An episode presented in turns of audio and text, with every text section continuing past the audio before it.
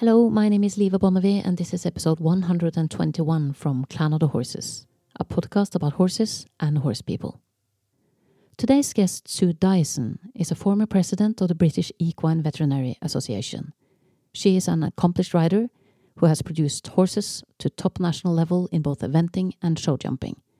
And last but not least, she is known as one of the top equine orthopedic specialists in the world. Sue recently presented a study followed by a documentary titled The 24 Behaviors of the Ridden Horse in Pain Shifting the Paradigm of How We See Lameness. And with the study, Sue and her team has also put together an ethogram designed to help riders determine whether their horses are healthy or in pain.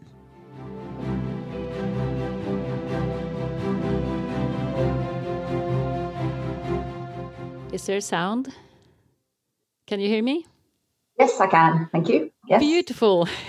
Good. Okay, thank you, Sue, ever so much for for taking the time to have this interview. You're very welcome. Um, I always like to start with the beginning, uh, your personal story. You know, there's so many things you can do in, in life. So, why horses? And uh, last but not least, why equine orthopedics? Um, well, I started riding as a very young child, and it became a passion. Um, so I had ponies from the age of uh, five.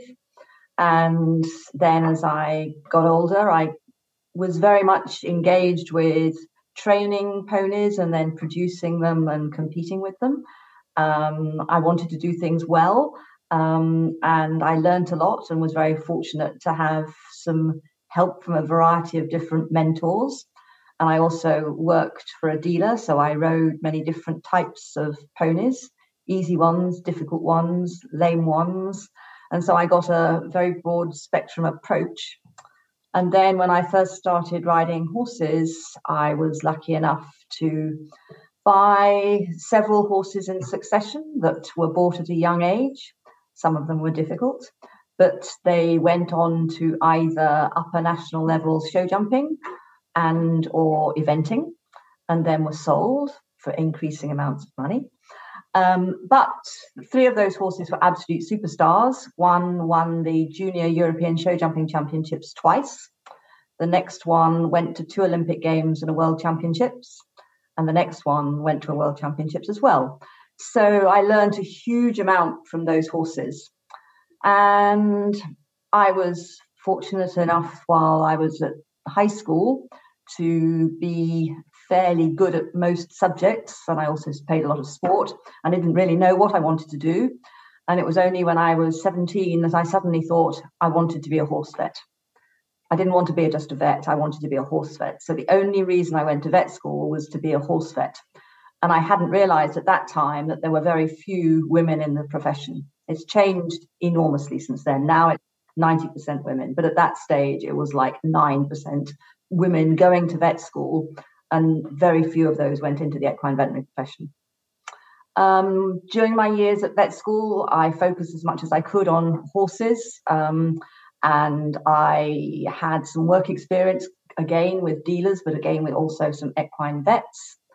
One of whom said, I think you should go to America for further experience, and made me aware of a scholarship, which was an Anglo American exchange which enabled people studying a variety of different subjects to go to the University of Pennsylvania for a year or two years, and also people from America to come to study at postgraduate level in the in the UK. And I was fortunate enough to be able to win one of these scholarships and go to the University of Pennsylvania. And then I realized that my main passion was lameness and poor performance because that's what I related to as, as a rider, because the most frequent days off training are due to lameness. So it seemed a very obvious path to follow. And I had also been incredibly lucky because whilst I was an undergraduate, I had met a lady called Sheila Willcox, who was the first lady to ride at the European Event Championships. And she asked me to come and ride for her. So I did so during my vacations. And during that time, I rode some superb horses and also met Jacques Le Goff, who was the American chef d'équipe at the time, and Bruce Davidson, who was the world eventing champion at the time, because I rode horses that they came to try to buy. And then uh, within a week of arriving in Pennsylvania to work as an intern, I met Bruce Davidson again and he recognized me and said, Would you like to come and ride some horses whilst you're here? So I managed to ride horses for Bruce Davidson whilst I was in America and I stayed there for two years, in fact. So I was had an incredibly lucky grounding. And I met other people who've been mentors and long-term friends from the United States who were very influential in my career. So, for example, I met Dana Marks, who was the uh, show jumping team vet for the American team, and from whom I learned an enormous amount. So there were very many fortunate things that happened early on that put me where I was. So when I came back to the UK, I had something to sell as this young, small female vet. Um, it was still not easy, but it was easier than it might have been. So that was a start, um, a, a, very good start. Uh, I, I can't help but um, you know uh, noticing that you you refer to much of this as as luck or good fortune, and sometimes you know timing and, and luck is part of the game, but for sure also there is a huge you know talent and capacity in you that made this journey possible. I think I was determined. I think I had a good natural feel for horses. So I always wanted to train my ponies to go in the correct way. We had no facilities, so I would be hacking along in the forest, but still wanting the pony to work correctly and feeling the difference between the pony working correctly and incorrectly. And I think that that has given me huge abilities as a veterinarian and as a veterinarian, I've often ridden clients' horses. I was very aware that horse owners can have problems that if you just see the horse trot up and down, you can't see anything abnormal. But if you see the horse ridden, you can appreciate that there's something abnormal. And if you ride it and you are a good rider, you can immediately feel what the rider is telling you. And having ridden many clients' horses, it enabled me to look better than I had would otherwise be able to do because I could relate what I felt to what I could see. So I think I became a much better observer as a result of that. And, and also also the fact I think that you have experienced riding really good and and 100% sound horses. Oh, absolutely, absolutely. I think that uh, there are many people who have probably never ridden a truly sound horse, so they don't know how it feels, nor do they know how it should behave. And I think that that is an enormous hurdle to overcome because when you've ridden a pain free horse, it responds to your cues, it has its ears forward, it goes forward willingly. When you're teaching it something new, it may be a little confused initially, but it soon learns what you want and progresses accordingly. So often I've heard from owners saying, well, my horse is a difficult horse. Um, and he's never really wanted to canter on the right rein, but my trainer says it's because I'm not strong enough um, and I'm weaker going to the right. And I think, well, then, no, that's not right. That's not right. Because if the horse is pain free, it should be able to canter easily on both reins with appropriate training. So I, I, truly believe that I could not have done anything that I've done in my career had I not been a rider, and not just a, a rider who sat on horses, but somebody who uh, could feel horses and had ridden some good horses, but also ridden some lame, uncomfortable horses who were much, much more difficult to train and much more difficult to sit properly on. Mm. I, I think if you get on a pain free horse, and you have a naturally good position, you can maintain that good position and you feel effective. Mm. Whereas you get on a horse which is uncomfortable, and immediately you feel that your position is compromised and that you are riding less effectively. Mm.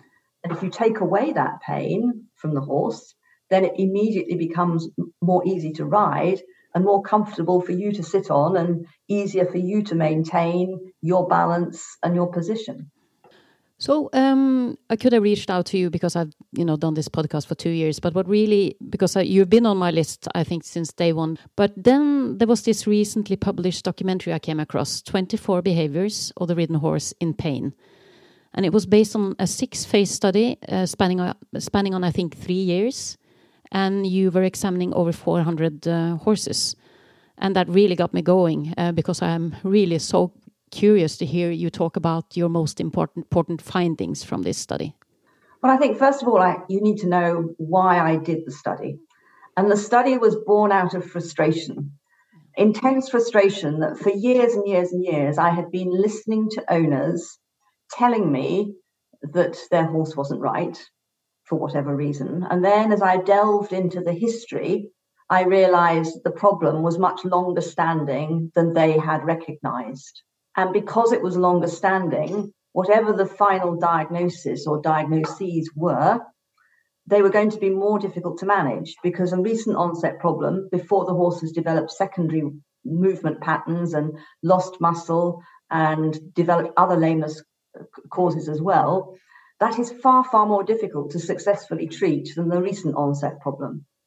And I was very aware through previous studies that we had done, looking at the general sports horse population, that there was a large percentage, approximately 50% of sports horses, which were actually lame, although their owners thought that they were working comfortably.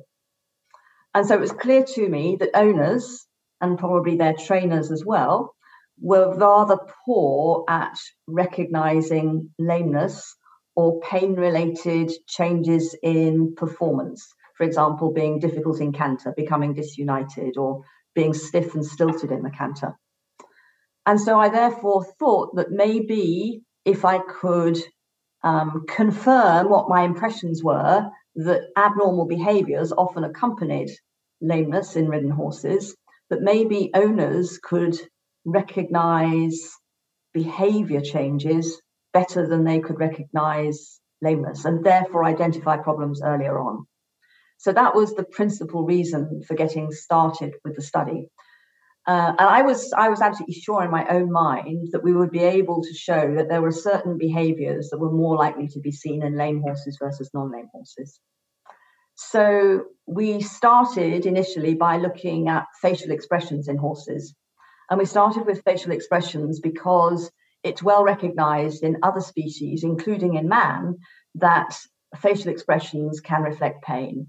So, in uh, neonates and in elderly people with dementia who can't communicate, facial expressions are used to determine whether the human patient is in pain or not in pain. And there had been some earlier work done in horses, um, comparing horses before and after castration, uh, and comparing a group that had pain relieving medication around the surgical period with those which did not have any pain relieving medication. And just by observing the facial expressions, they could tell which horses had had the pain relief and which had not. So, because there was that preliminary data there, we started just by looking at facial expressions. And we showed that, yes, indeed, there were differences in facial expressions between lame horses and non lame horses. But that was just preliminary work building up to looking at the whole horse behavior, because that's what I felt was so important looking at whole horse behavior whilst being ridden. Um, so we had a group of non lame horses, and these were horses that we'd identified for a different study when we wanted to look at back movement in non lame horses for my PhD student. And she was from Denmark and was living close by to a number of big competition yards. So we went to one big dressage yard and one big show jumping yard and looked at all of the horses there. We looked at them in hand, did flexion tests, saw them on the lunge, on soft and firm surfaces, and saw them ridden. And from that, we were able to select a group of uh, completely non lame horses. And so we had that as our baseline non lame group. And then we compared those with a group of lame horses. And we had video footage of all of these horses. And so we started off, um, and I say we, because this work was done in collaboration with Dr. Jeannine Berger, who is an Aus- Austrian born vet who is based in the United States, who is board certified in both veterinary behavior and veterinary welfare. And she's also a rider and a qualified bee writer. So somebody very good to work in collaboration with.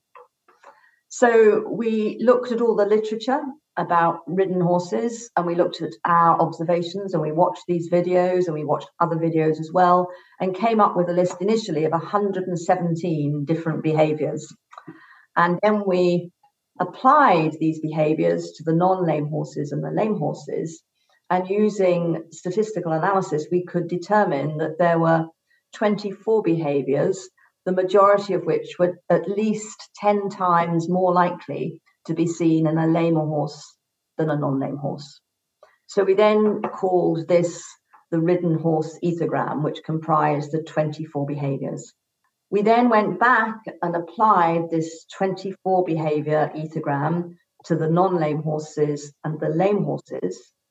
And we were able to show that the majority of the lame horses had a total score of eight or more of the 24 behaviors, whereas um, the majority of the non lame horses had a score of around two out of 24. So that was a huge difference. We then took a group of lame horses and compared their ridden behavior uh, whilst they were lame being ridden.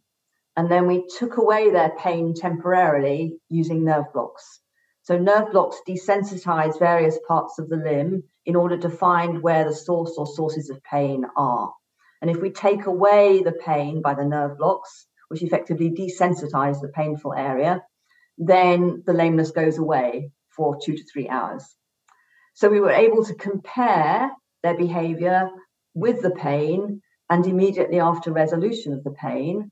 And we saw that immediately after the resolution of the pain, their ridden horse pain ethogram scores came down dramatically. So they were all then less than eight and generally around the two to three mark out of 24. So a horse may go from 12 out of 24 behaviors to three out of 24 behaviors. So a marked difference.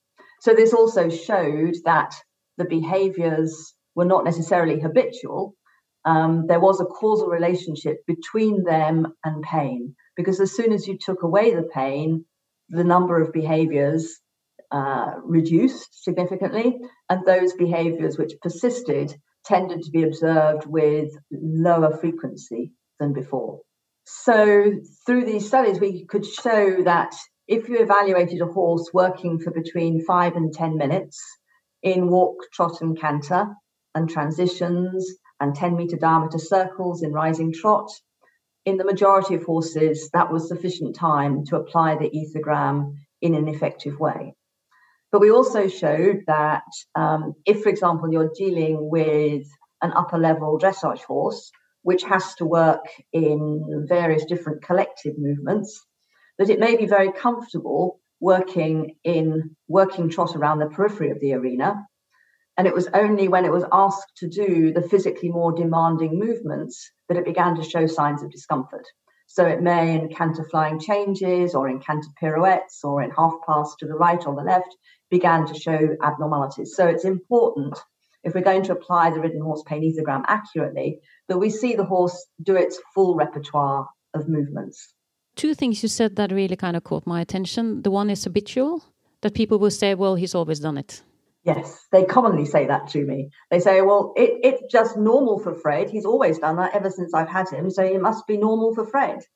And I say to myself, it's not normal for Fred. That is not normal behavior. But I think that as riders, most of us learned to ride at riding schools. And good riding school horses are quiet.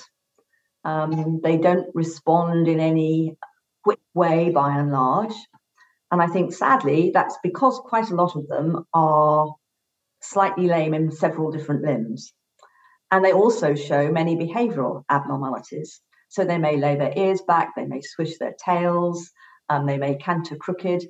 And so we learn to ride on horses that are not normal horses, either in terms of their movement or their behavior. So we become somewhat conditioned that these behaviors are normal for horses, when in fact they're not normal for horses. And we need to re educate people to say a normal horse should look like what we conceive anthropomorphically as a happy horse. So it should have its ears forward. It should go forward willingly. It should walk, trot, and canter without difficulty. And it should um, not be unduly tense. It should be relaxed and move and swing through its back. And I don't think some people have ever ridden horses like that. And then you have a lot of amateur owners, and I was one of them, that only has one horse at any one time. So you get used to riding that horse and you're riding it every day. So you are not aware of a slow change either in the horse's movement or its behavior until suddenly the horse says, I don't want to do this. And so things get missed early on because you've become used to looking at your horse and you're not necessarily being completely observant. We call it uh, house blind in Norway. That's the expression we use. Right. Because Yeah, you live there yeah. all the time, you kind of Yes. get a bit blind about things. Yeah. So, Yes, and it's yes. also, like you say, it, it's a sneaky thing. You know, Yeah. it, it doesn't necessarily jump, you know, from from a corner and say boo. It's it's kind of go, getting there re- really sneaky. So it's it can be very hard to notice the change in the horse, like you say, when you see him every see him every day, because it tends to be very slowly, and also because he is afraid of of being killed, he would also try very actively to hide that he is in pain. Absolutely. I think horses are their own worst enemy in many respects because they adapt their movement patterns to minimize their pain. So, for example, they reduce movement through their back to make lameness less obvious, and they're successful in doing that. And they also continue to comply with what we ask them to do, perhaps a little less willingly, but they will still do it. And for example, many people will say to me, well, Fred loves jumping. He really loves jumping. He never stops. He doesn't like flat work, but he loves jumping, so there can't be anything wrong with him. And that's not the point. Fred likes jumping because it's more interesting than going round and round and round in circles. And also, it's less physically demanding than going round and round in circles. And when they jump, there is adrenaline released and endorphins are released, both of which are chemicals which make the horse feel happier. So there's every reason why Fred should continue to jump satisfactorily, but not perform okay on the flat. And it doesn't mean that Fred doesn't like working on the flat. It means that Fred doesn't like working on the flat because he's uncomfortable working on the flat. So there are all these kind of um, misinterpretations and myths about behavior. And we also know that although you may be a very good observer, many owners are not. And we demonstrated this when we did a study involving watching people tack up their horses and get on their horses. And before they did that, we asked them a series of questions about did their horse show any abnormal behavior during tacking up or mounting? And first of all, we asked yes or no. And then we went through a whole list of behaviors during tacking up and then during mounting, saying, Does your horse do this? Yes or no? Yes or no? And we found that they were completely unaware often of the abnormal behaviors that their horses were demonstrating during tacking up. Now, some of the more astute ones, when they actually started tacking up, they said, Oh, he's putting his ears back. I've never noticed that before, but now you've now you've made me think about it. I've suddenly recognized it. So I think that they a lot of owners don't observe. Some some owners are very, very observant, but other owners are not. They may observe aggressive behavior. So they may observe if the horse turns around to bite them when they're doing the girth up. But they don't notice that the horse is constantly moving about. It's fidgeting, it's picking up one leg and then another leg, and it's moved over in the stable. They don't notice that by and large. Um, it's just like if I ask an owner, um, how long has that swelling been present in the leg? And they stare at the leg and they look again at the leg. And then they say, actually, I don't know. I wasn't aware of it. Whereas another owner immediately notices a swelling and said it gets desperately worried about it because they realize it wasn't there before. And it may be an innocuous swelling or it may be something which is important to recognize. So people are hugely variable, but I think there are more non observant people than there are observant people. Yeah, and I also think if you are an observant person, uh, you can still go house house blind. Yeah, yeah. you know, Yes. so you have to kind of you know pay attention and work on it at all times. I think to be able to see your own horse properly. Yeah. But what you- you've done through your study then is to provide me with kind of a list of twenty four things that I can actually look at that is easier for me to see. Yes, yes, yes. I, I, I like to call it a performance checklist, the ridden horse checklist. So you've got these series of 24 behaviors, each of which have strict definitions. So, for example, the ears have got to be back for five seconds or more. Just flicking the ears backwards and forwards doesn't matter. But if the ears are back for five seconds at least, then that is a tick. Uh, if the horse's mouth is open with separation of the teeth for 10 seconds or more, then that's a tick. If the horse swishes its tail once, we don't count it, but if it repeatedly swishes its tail, then that's another abnormal behavior. So you have to know what the definitions are, but the definitions are reasonably straightforward.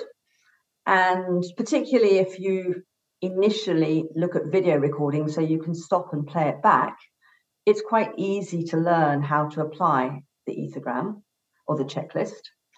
And I have certainly had many people come to me because they've become aware of the checklist, they've applied the checklist, and they say, Yes, this proves that something must be wrong. I felt something was wrong. I've already gone to my vet. He saw the horse trot up in hand. He said there was nothing wrong with it. He said I must just train hard, or it might, or it might be behavioural. Um, so it gives owners a tool to use to monitor their horses over time.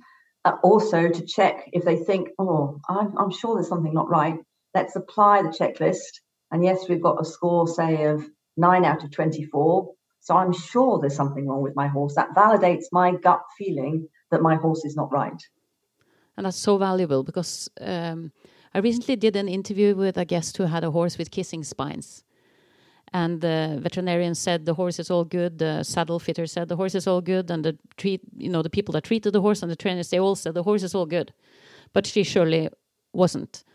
Uh, and by having like a, a, checklist to go through it would be easier to because the owner had a gut feeling that something seriously is wrong with the horse. But without you know kind of the ability to prove it or point to something saying you also need to pay attention to me in all of this then she was kind of lost and um, yeah and it, eventually the horse had to be put down and that's you know it's such a sad story and it's not uncommon. You see it all the time. It's, it's not uncommon. Um, and i've seen the scenario so many times when the owner feels there's something wrong they take it to the veterinarian. The veterinarian does a basic lameness evaluation can't see anything abnormal often does not see the horse ridden, so doesn't appreciate the problems that the rider is encountering. Because they can't see anything, they may say, well, we could take some survey x rays, or the horse could have a whole body bone scan, undergo scintigraphy. And if it undergoes scintigraphy, then they may find some areas of what we call increased radiopharmaceutical uptake or hotspots. And then the vet will say, well, we better x ray those areas that are where there are hot spots, and then says, well, let's treat that area um, without recognition that you can ha- that hotspots just mean increased bone turnover. They don't equate with pain, and they don't equate with pain causing lameness necessarily. Um, and therefore, now they've spent um, 2,000 euros and they're no further down the line, except even more frustrated because the, the horse doesn't improve, and then the vet again says, well, it must be behavioral or you need to have a different trainer. Uh, and so people get very, very, very frustrated. Um, and I really empathize with that. And I think that this performance checklist is a way of being able to say there must be something wrong.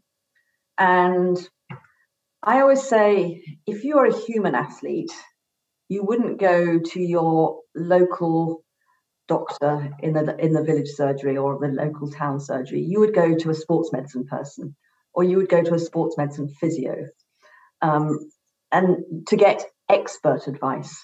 And I think it's the same with performance related problems in horses. You need to seek advice from somebody who has undergone postgraduate training in how to evaluate lame horses um, and also ridden horses. Because the only way, in my view, that we're going to reach a definitive diagnosis are to follow the principles of lameness diagnosis, which are identify the lame limbs or the painful area, maybe the back or the sacroiliac area, and then prove that it's a source of pain using nerve blocks. And then when you've proved that you know where the pain is coming from, then you do diagnostic imaging like x rays and ultrasound scans in order to find what is the cause of the pain.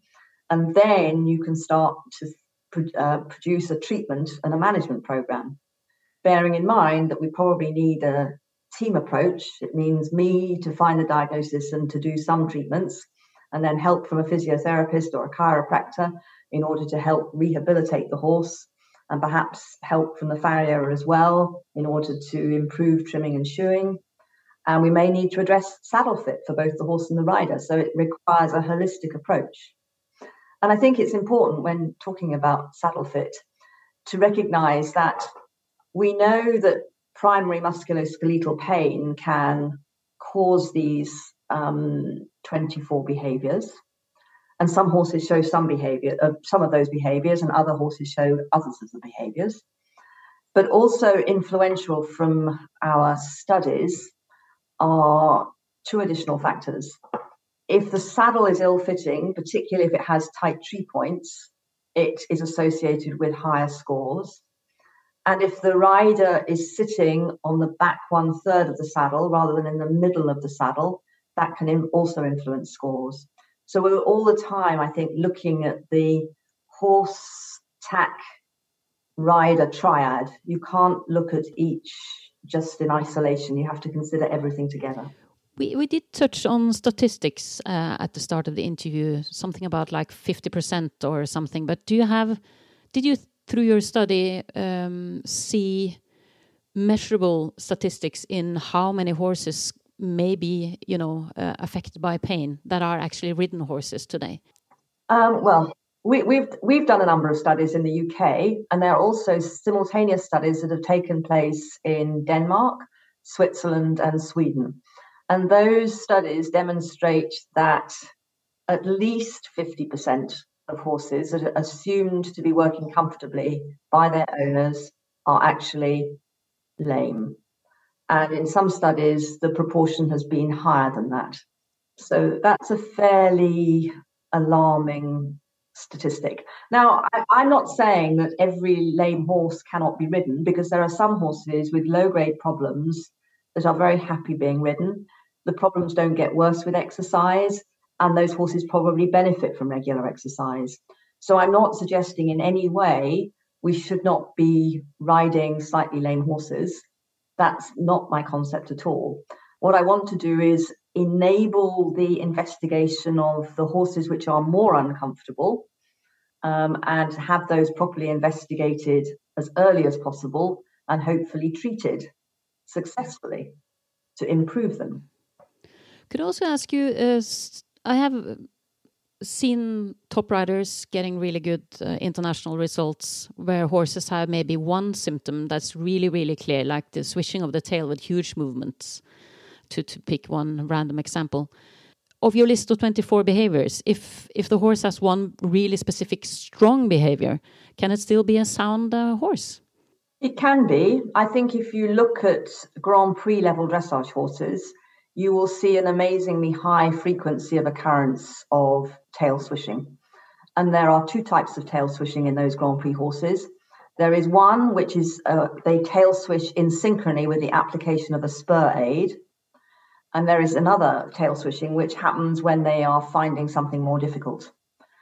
Um, and I think that we the judges need to penalize such things more heavily because this is um, a sign that the horse is not um, accepting the rider's cues as they should do. And according to the rules, that should be penalized. Tail swishing should be penalized for every movement in which it occurs, but it is not happening. No, and why not? That's really it's really strange i think because it's it's so visible and and like you said the horse can be sound but if if you have that kind of tail swishing that i've seen on on several grand prix horses on you know riding on higher levels um, it's also at least an indication of how the training has been for the horse. Absolutely, absolutely. And it's there are three common behaviors with the Grand Prix horses, which are seen more commonly than in any of the other horses. And those are mouth opening with separation of the teeth for 10 seconds or more, and the head being behind a vertical position for more than 10 degrees for more than 10 seconds.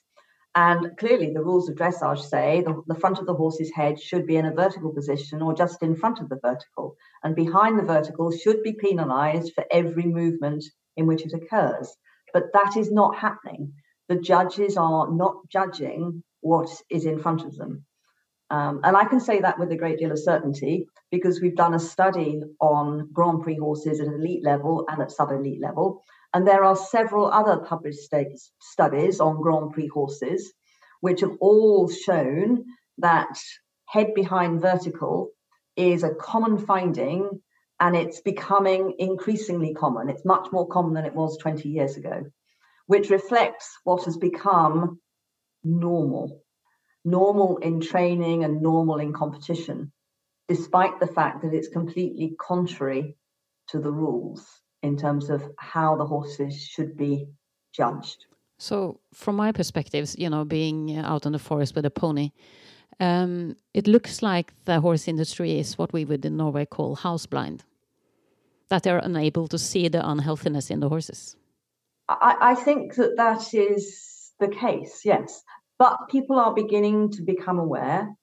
So, for example, the French government have come up with a list of proposals for the Paris 2024 Olympic Games. And one of their proposals is that no horse should be allowed to be ridden with its head behind the vertical position on the showground at any time. Now, that would result in removal of a large proportion of the dressage horses, the event horses, and the show jumping horses. I was at Lyon yesterday watching horses uh, warm up for a five star show jumping Grand Prix, and a large proportion of horses had their heads behind the vertical. These were show jumping horses. Um, so it, it is a common thing. Um, but the French government have brought up these guidelines. Now, they're not necessarily going to be enforced, but it shows that people are thinking about it and I agree. I, you know, when you when you um, uh, watch the debates on the internet and uh, you know hear people being really engaged about horse horse welfare, there is it feels like a, a, you know you can kind of feel the shifting of a paradigm, you know, in a few years from now. But I'm really curious to talk about you how we can get the process going a bit faster because I think it feels like we're a bit astray at the time you know when we when we uh, allow this to happen with the people who are actually the role models for the up and coming riders in in the world. Yes, I, I, do think it's a matter of education across the board and a change in mindset. And the way that I think change can be brought about is by the judges, uh, certainly in dressage and the eventing and the dressage phase of eventing, is the judges to penalize things which are incorrect. Because then that would be an incentive for the riders to change and the trainers to change. But who's going to blow the whistle first? Because what happens is that you have all this money involved. Um, yes, that's that's an interesting point. Um, I had a discussion with British Dressage, which is the governing body of dressage in the UK, um, earlier this week, and they really want to institute change. And they want to institute change in part because there is increasing awareness about what we call the social license to ride and to compete. That is the public acceptability of us riding horses.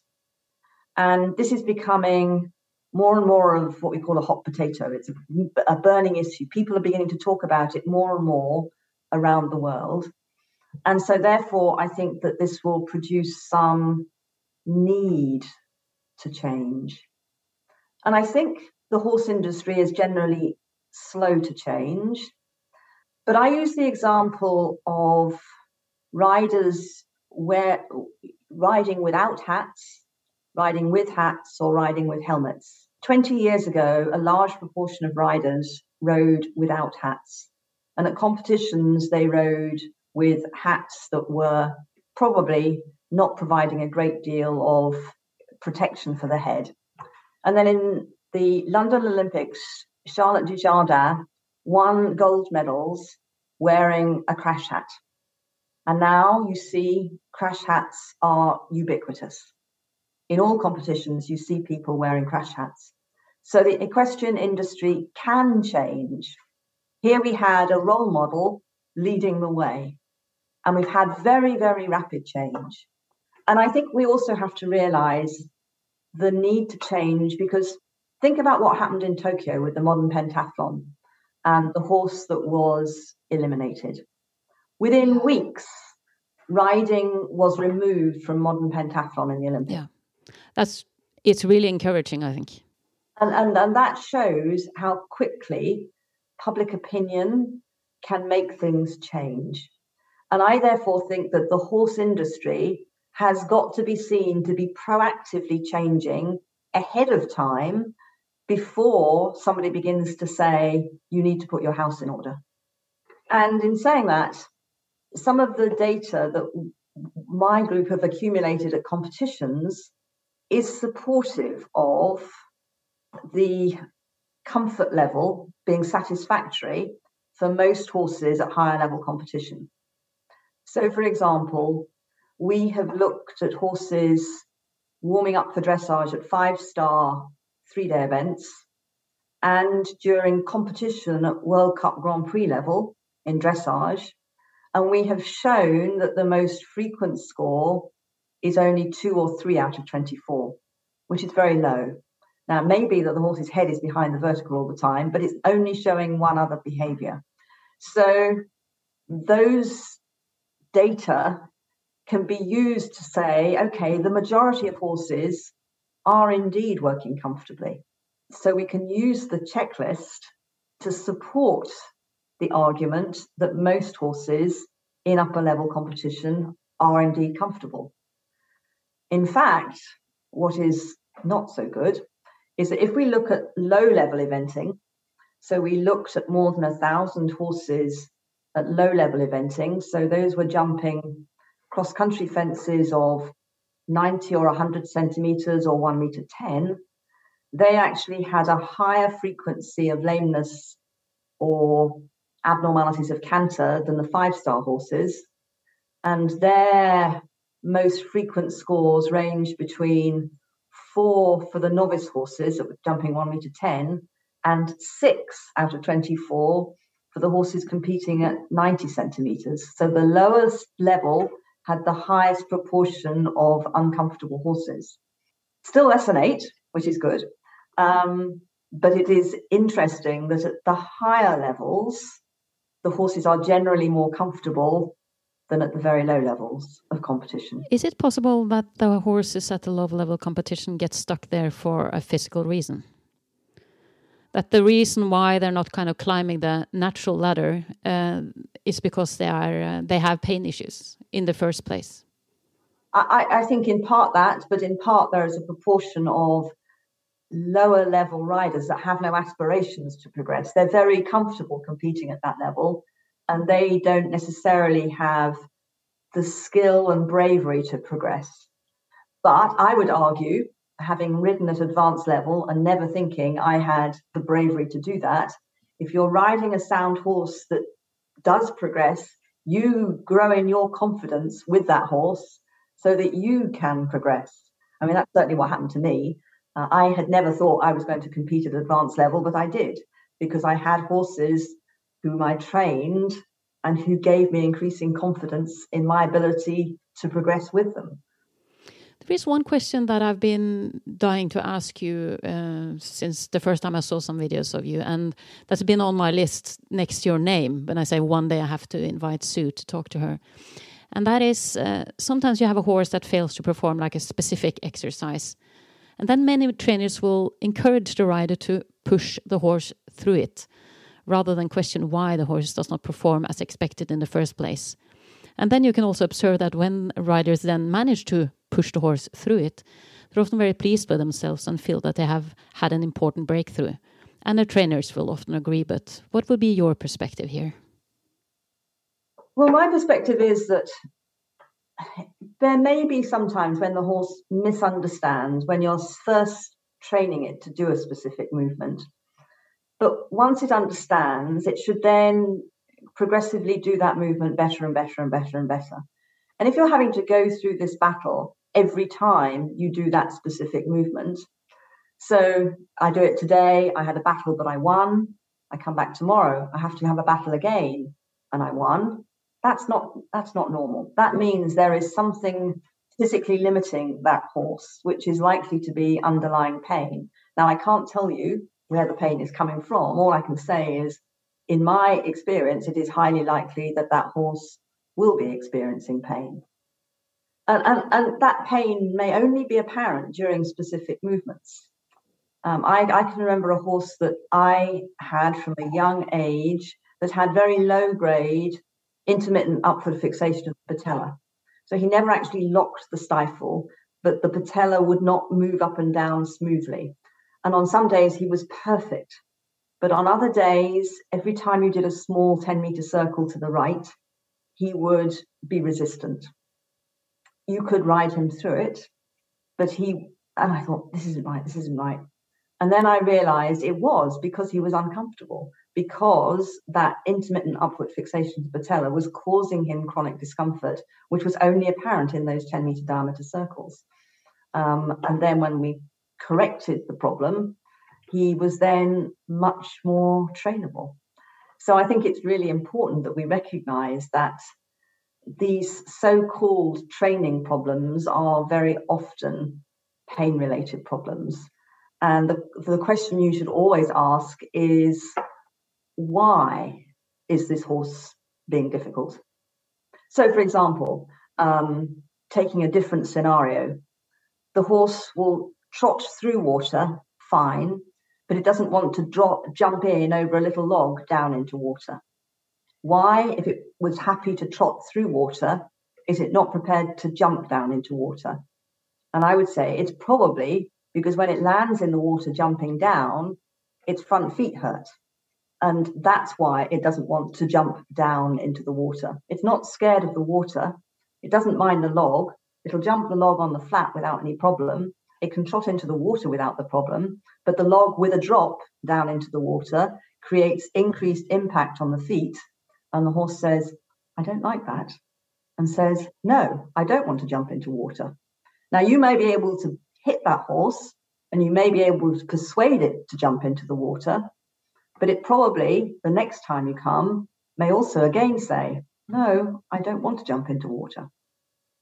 Uh, a very strong rider may be able to overcome that, but that's forcing the horse to do something which it actually is finding uncomfortable. And if that horse is forced to jump into water like that, you will often see when it lands in the water, its ears will go flat back because it's uncomfortable on landing. Whereas most horses, which are comfortable when they land, put their ears forward on landing. You can see this a lot with uh, with Western riders and slide stop that when the horse really, you know, it's really kind of full speed and then full stop, they always almost pin their ears really, really hard for a long time afterwards. I spent three days in Texas last week watching Western performance horses. So I saw this time and time and time again. And I, I, can, I think I can safely say, after three days of observation, I don't think I saw a single horse look comfortable um, during the sliding stop because they finish up with their hind limbs way underneath the trunk in a completely abnormal posture with incredible flexion at the lumbosacral joint, which is completely non physiological. So it's not surprising that they show signs of discomfort. Um, to me, it's a, a movement which I find difficult to be acceptable. There's um, there's a lot of work to be done still, Sue. Yes. I really want to thank you for for um, uh, kind of putting the, a sharper light on on these issues because there are so many horses uh, affected by our lack of understanding. Yes, and I think an important point to put across to people is that if the horse is uncomfortable, it genuinely does influence their performance. And we have data to demonstrate that at all levels. So, for example, at five star three day eventing level, if the horse shows seven or more of the 24 behaviors during warm up for dressage, compared with horses that score less than seven, they are twice as likely to be eliminated or retire cross country, which is a very strong statistic. They will have higher dressage penalty scores, and if they do complete cross country, they will have a lower finish place. Uh, the same applies at low level eventing. If you want to be in the top three, you need to have a low performance checklist score. Uh, because if you have a high performance checklist score, you're not going to be in the first three. The same at Grand Prix level dressage. And if you're going to be successful, you have to have low scores. If you have high scores, the horse is uncomfortable and that will be manifest in its performance. So I think it's a strong message that there is a relationship between performance and the checklist score. Before I wrap up this uh, extremely important uh, interview, Sue, um, and ask you my signature question, I just want to make 100% sure that there are not one single, I mean, there are a thousand things you need to tell people, but is there anything that we have overlooked that you find really important to talk about at this moment in time? Well, I think it, people get hung up on specific behaviors.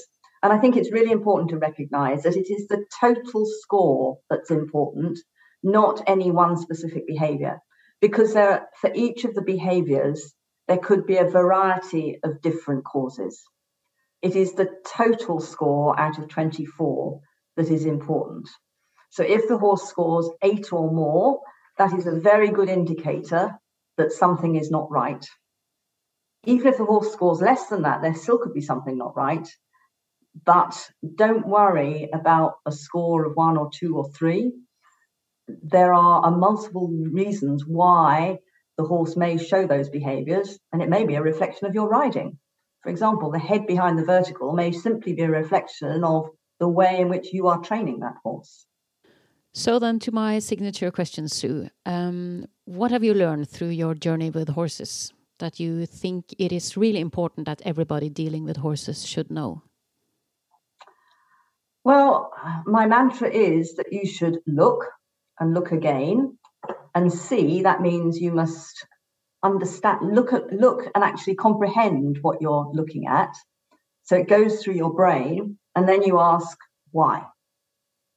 Um, so if it's a happy horse, you say, "Well, that's great. I don't need to be asking any more questions." But if it doesn't look happy, you need to be saying, "Why?" and who can I help get to help me? Do I need the saddle fitter? Do I need the physiotherapist? Do I need the farrier? Or who? Um, because I think that horses are trying to communicate with us. We're just not very good at listening to them. True, true.